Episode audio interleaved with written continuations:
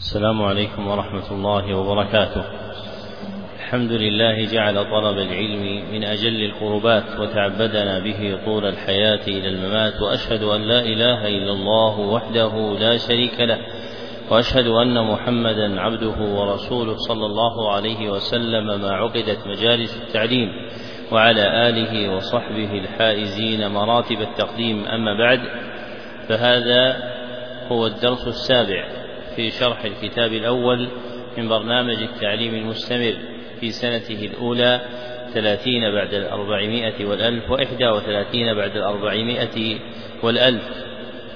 وهو كتاب تذكرة السامع والمتكلم للعلامة محمد بن إبراهيم بن جماعة رحمه الله. ويتلوه الكتاب الثاني وهو بلوغ القاصد جل المقاصد للعلامة عبد الرحمن بن عبد الله البعلي رحمه الله ويتلوه الكتاب الثالث وهو فتح الملك الرحيم العلام للعلامة عبد الرحمن بن سعدي رحمه الله وقد انتهى بنا القول في الكتاب الأول إلى قول المصنف رحمه الله تعالى الثاني عشر الاشتغال بالتصنيف. نعم. صلى الله بسم الله الرحمن الرحيم. الحمد لله رب العالمين وصلى الله وسلم وبارك على عبده ورسوله نبينا محمد وعلى آله وصحبه أجمعين. اللهم اغفر لنا ولشيخنا وللحاضرين ولجميع المسلمين. قال المؤلف رحمه الله تعالى الثاني عشر الاشتغال بالتصنيف والجمع والتأليف لكن مع تمام الفضيلة وكمال الأهلية فإنه يطلع, فإنه يطلع على حقائق الفنون ودقائق العلوم للاحتياج إلى كثرة التفتيش والمطالعة والتنقيب والمراجعة. وهو كما قال الخطيب البغدادي يثبت الحفظ ويذكي القلب ويشحذ الطبع ويدي وهو كما قال الخطيب البغدادي يثبت الحفظ ويذكي القلب ويشحذ الطبع ويجيد البيان ويكسب جميل الذكر وجزيل الأجر ويخلده إلى آخر الدهر. والأولى أن يعتني والأولى أن يعتني بما يعم نفع نفعه وتكثر الحاجة إليه وليكن اعتناؤه بما لم يسبق إلى تصنيفه متحريا إيضاح العبارة في تأليفه معرضا عن التطويل الممل والإيجاز المخل مع إعطاء كل مصنف ما يليق به ولا يخرج تصنيفه من يده قبل تهذيبه وتكرير النظر فيه وترتيبه. ومن الناس من ينكر التصنيف والتأليف في هذا الزمان على من ظهرت أهليته وعرفت معرفته ولا وجه لهذا الإنكار إلا التنافس بين أهل الأعصار. وإلا فمن إذا تصرف في مداده وورقه بكتابة ما شاء من أشعار أو حكايات مباحة أو غير ذلك لا ينكر عليه. فلم إذا تصرف فيه بتسويد ما ينتفع به من علوم الشريعة ينكر ويستهجن. أما من لم يتأهل لذلك فالإنكار عليه متجه لما يتضمنه من الجهل وتغرير من يقف على ذلك التصنيف به ولكونه يضيع زمانه فيما لم يتقنه ويدع الإتقان الذي هو أحرى به منه. لا يزال المصنف رحمه الله تعالى يذكر الآداب المتعلقة بالعالم في نفسه. وقد ختمها بالأدب الثاني عشر وهو الاشتغال بالتصنيف والجمع والتأليف.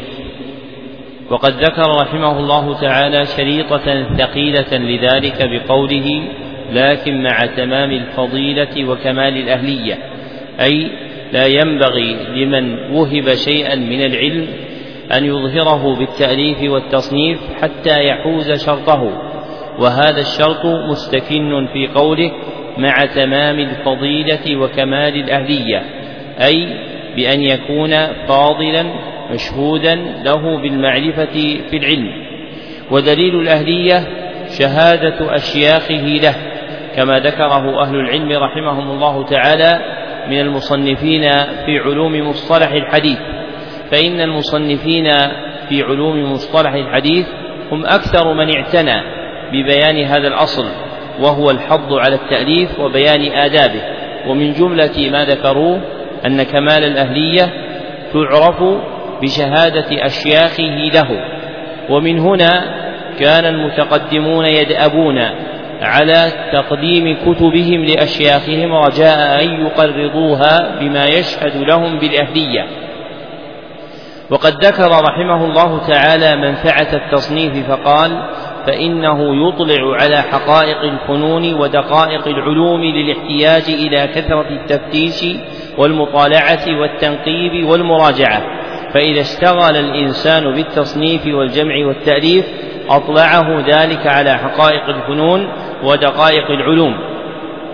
وإن من مآخذ العلم وموارده التي يزداد بها العلم يزداد بها طالب العلم تحصيلا له الاشتغال بالبحث. فإن حقيقة البحث هو التفتيش عن مراده من العلم لمسألة ما أو أصل من أصوله.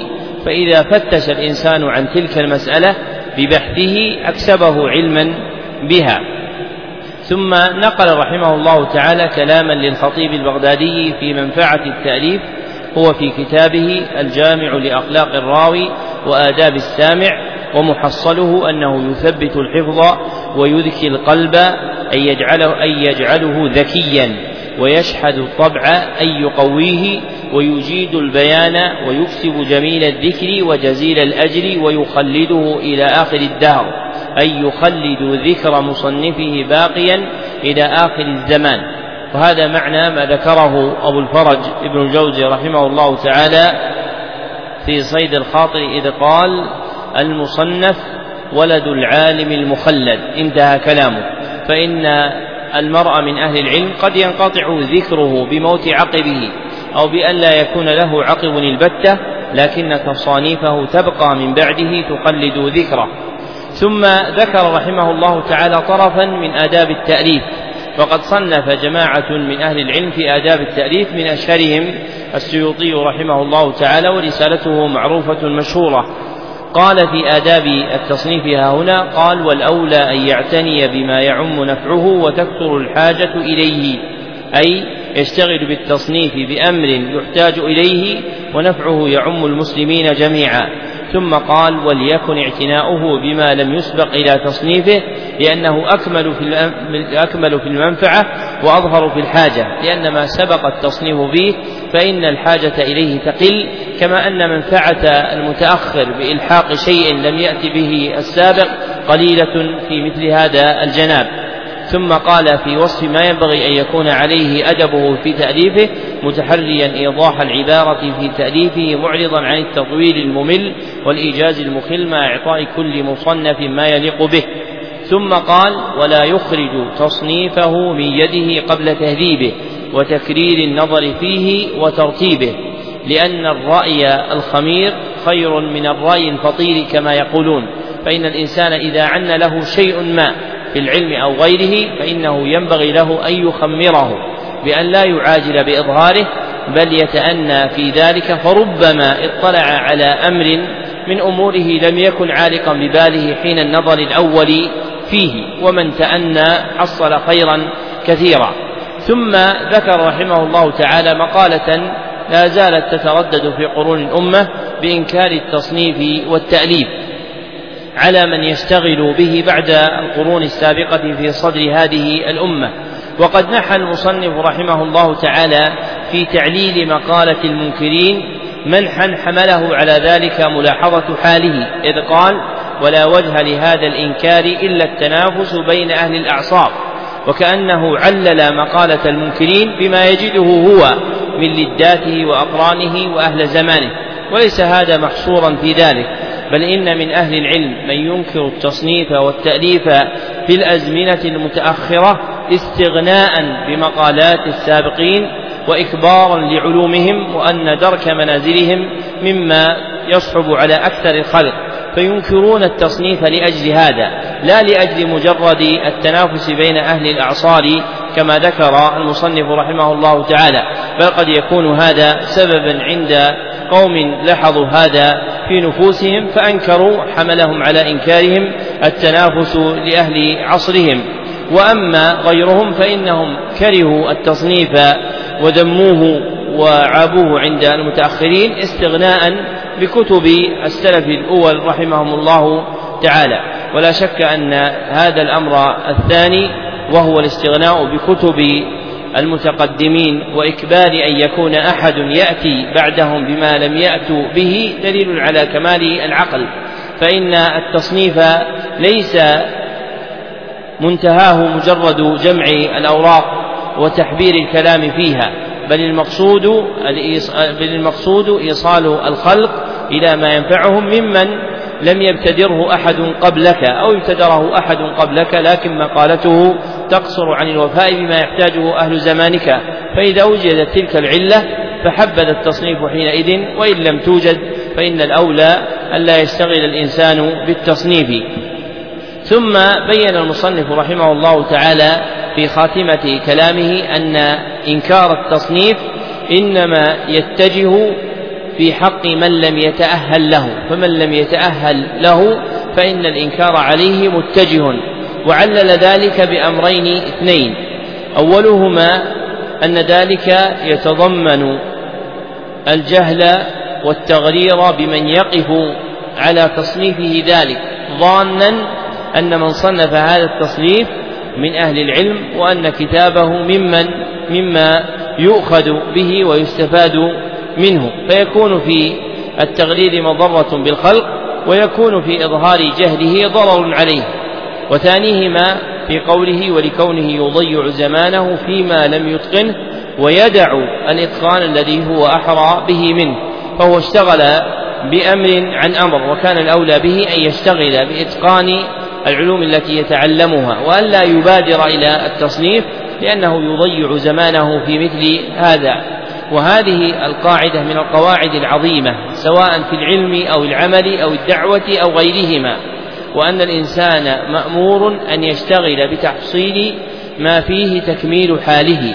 وأما ما زاد عن ذلك أو لم يتأهل له بعد فإن الحري بالعاقل ألا يترقى إليه لأن الزمن يفوت وإذا أشغلت نفسك بغير ما هي متأهلة له الآن عطلتها عما ينبغي أن تكون عليه بعده.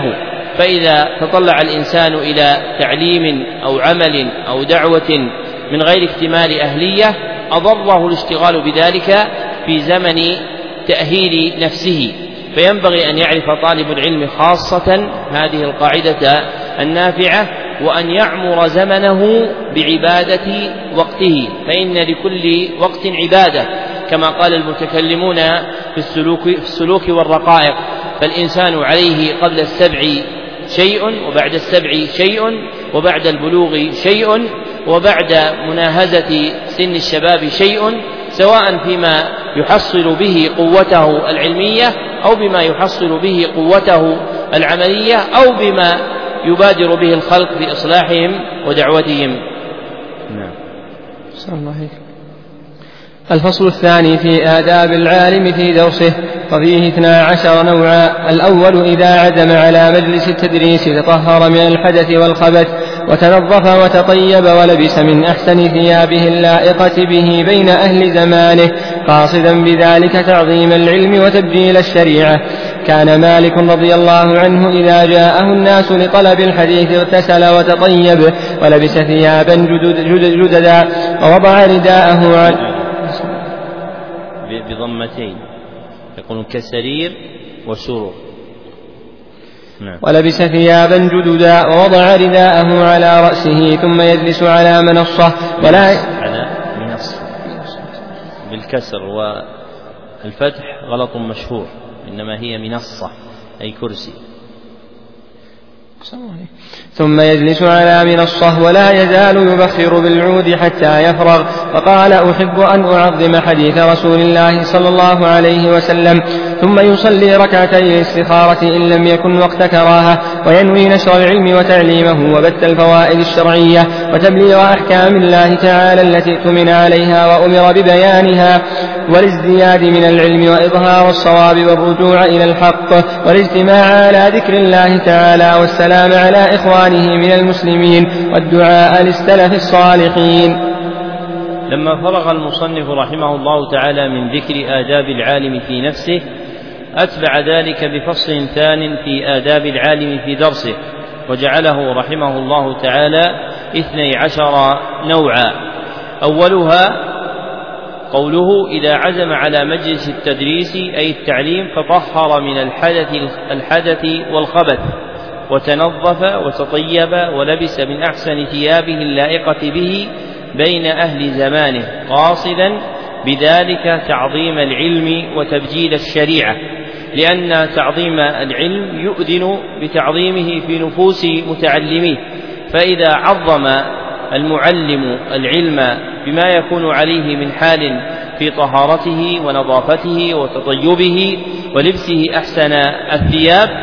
أورث ذلك نفوس المتلقين تعظيم العلم وتبجيل الشريعة. ولأجل هذا كان عمر بن الخطاب رضي الله عنه يحب لطلاب العلم أن يلبسوا البياض كما رواه عنه مالك في موطئه بلاغا. لما في ذلك من تعظيم العلم وإجلاله. فإن البياض ممدوح شرعا وعرفا. ولما كان كذلك كان من تعظيم العلم أن يجعله صاحب العلم حلة لباسه التي يتزين بها. لا فرق بين شتاء ولا صيف في اضطراد هذه السنة. وكل شيء أكسب العلم تعظيما مما يتعلق بطهارة أو نظافة أو لباس فإنه مأمور به اندراجا في هذا الأدب. وعلم منه أن كل ما يسلم حرمة العلم ويضعف هيبته فإنه منهي عنه سواء تعلق ذلك بطهارة أو نظافة أو طيب أو لباس. فلا يليق بطالب العلم أن يخرج عن هذا الناموس العظيم بل يقتفي سنن من كان قبله من أئمة الهدى في تحريهم حال الكمال في طهارتهم ونظافتهم وطيبهم ولباسهم ويحذر كل الحذر من مشابهة أهل الفسق والمجون والبطالة والناقصين من أهل زمانه أو غيرهم لأن العلم له هيبة ينبغي أن تحفظ وتجل.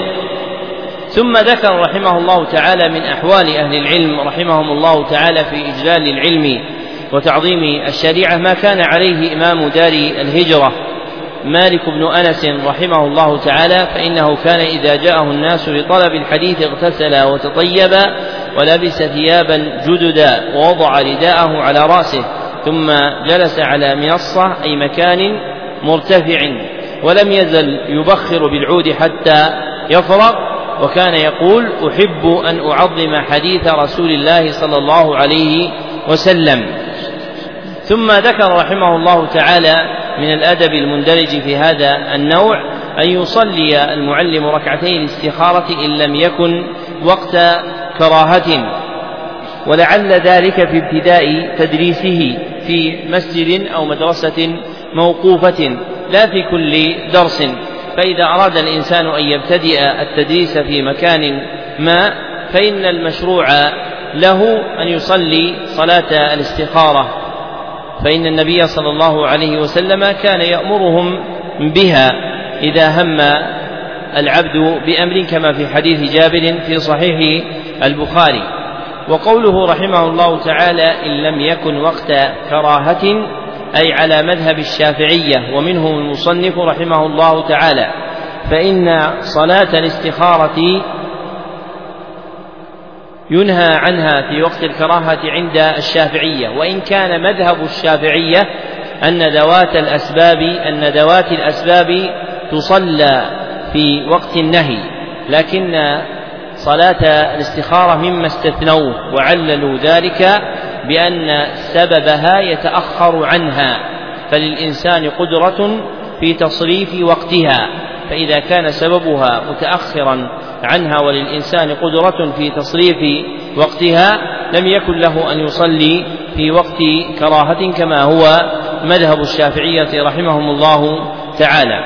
ثم ذكر رحمه الله تعالى طرفا من النية التي ينبغي أن يكون عليها معلم العلم فقال وينوي نشر العلم وتعليمه وبث الفوائد الشرعية وتبليغ أحكام الله تعالى التي اؤتمن عليها وأمر ببيانها والازدياد من العلم وإظهار الصواب والرجوع إلى الحق والاجتماع على ذكر الله تعالى والسلام على إخوانه من المسلمين أي إذا حضر إلى مجلس الدرس كما سيأتي في أدبه والدعاء للسلف الصالحين أي من المصنفين أو غيرهم ممن يرد لهم ذكر في أثناء درسه. وهذا جملة من النيات التي تدخل في هذا الباب وهو تفصيل لما سبق من نيات العلم فإن العلم له أربع نيات كما ذكرناها مجموعة فيما ذكرنا ونية للعلم رفع الجهل عن عن نفسه فغيره من النسم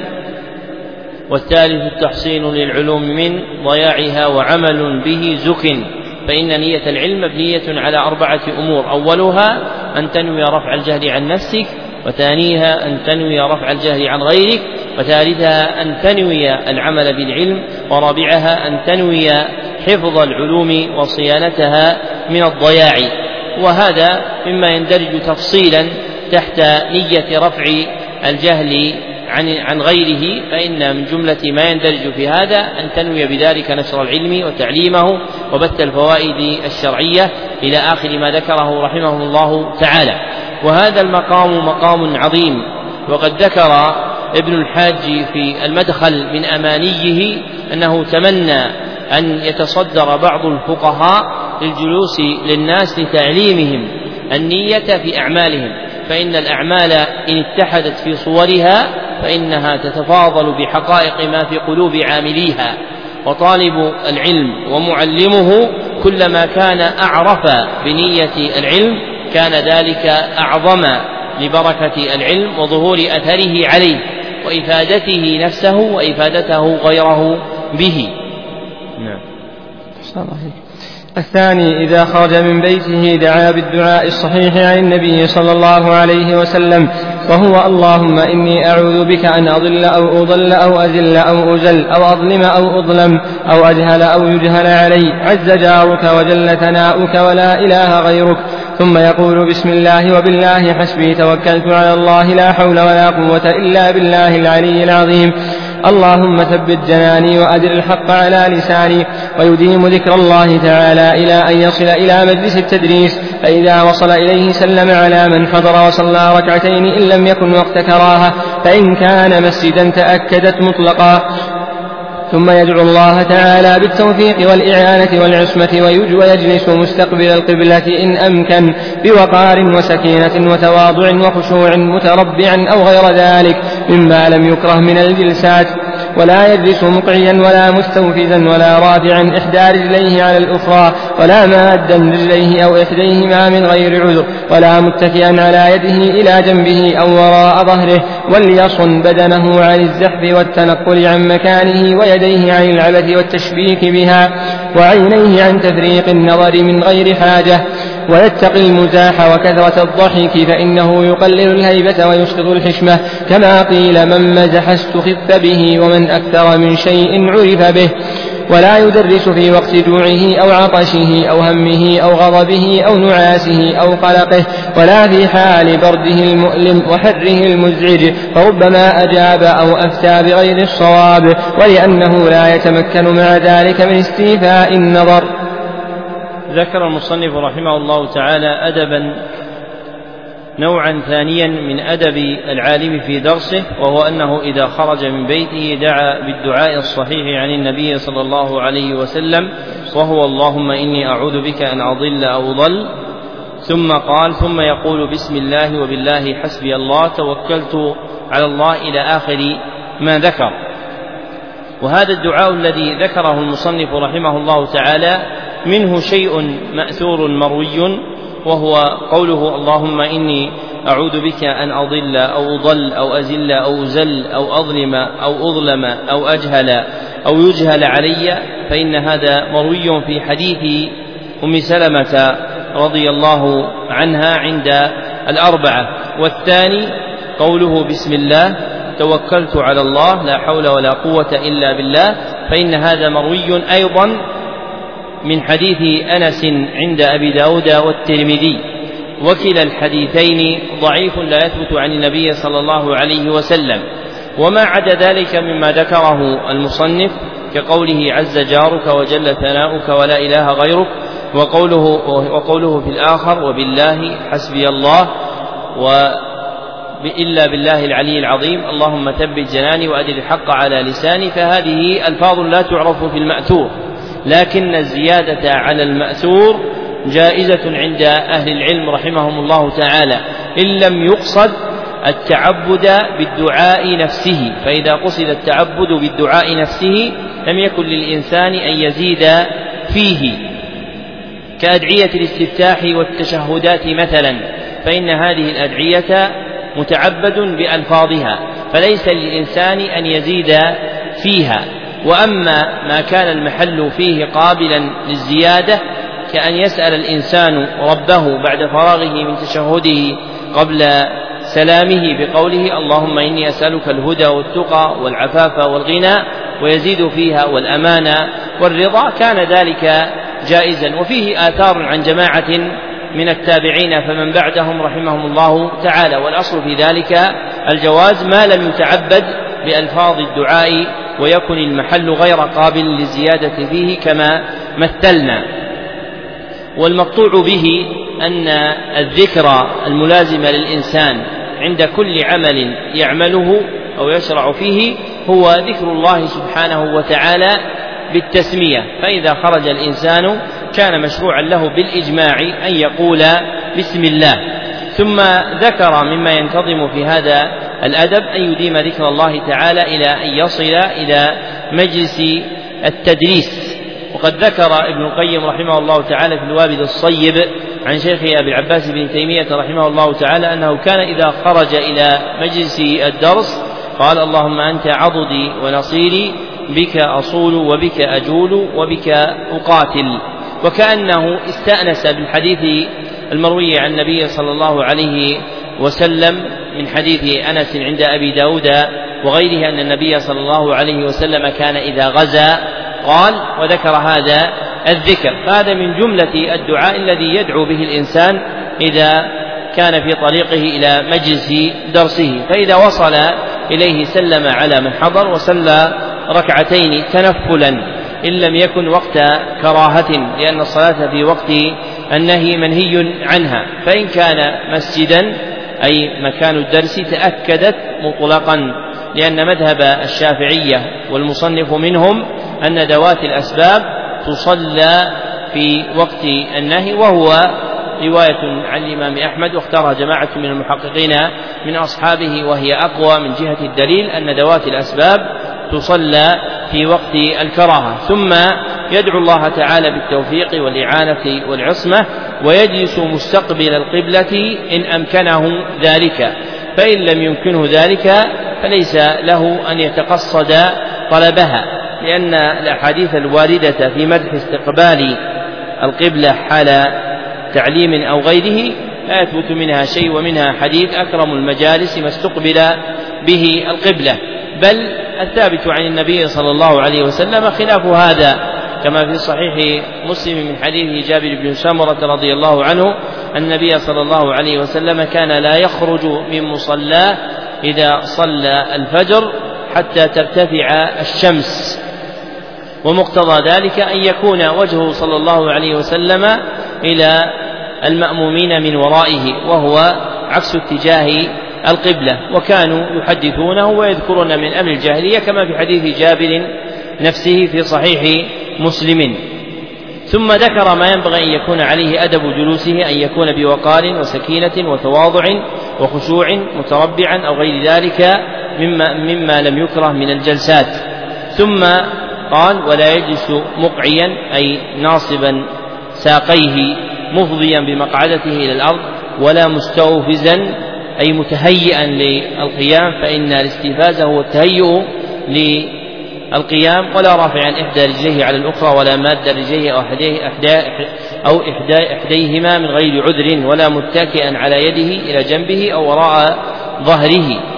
لما في ذلك من مخالفة هيبة العلم وأدبه وليصم بدنه عن الزحف والتنقل عن مكانه ويديه عن العبث والتشبيك بها وعينيه عن تفريق النظر من غير حاجة. ثم قال ويتقي المزاح وكثرة الضحك فإنه يقلل الهيبة ويسقط الحشمة كما قيل من مزح استخف به ومن أكثر من شيء عرف به. ولا سيما إذا كان الإنسان محل اقتداء واهتداء من الناس فإن الإنسان يسعه أمر ما لم يكن قدوة للخلق. فإذا كان محلا للاقتداء والاهتداء فإنه ينبغي له أن يحمل نفسه على العزائم صيانة للشريعة وحفظا لها. ثم ذكر مما يندرج في هذا الأدب ألا يدرس في وقت جوعه أو عطشه أو همه أو غضبه أو نعاسه أو قلقه ولا في حال برده المؤلم وحره المزعج. لما في ذلك من إضعاف الذهن وتشتيت قوته. فإذا ضعف ذهن الإنسان وتشتتت قواه فإنه ربما وقع في الخطأ ولم يتمكن من استيفاء النظر. وهذا مبني على أصل عظيم موروث من علم النبوة وهو حديث أبي بكرة رضي الله عنه أن النبي صلى الله عليه وسلم قال لا يحكم أحد بين اثنين وهو غضبان. متفق عليه واللفظ لمسلم. فهذا أصل في أن الإنسان إذا عرضت له حال تمنعه عن جمع نفسه وإدمان فكره فيما يخاطب فيه فإنه ينبغي له أن ينصرف عنه سواء كان في تعليم أو قضاء أو غيرهما. وهذا آخر التقرير على هذا الكتاب وبالله التوفيق.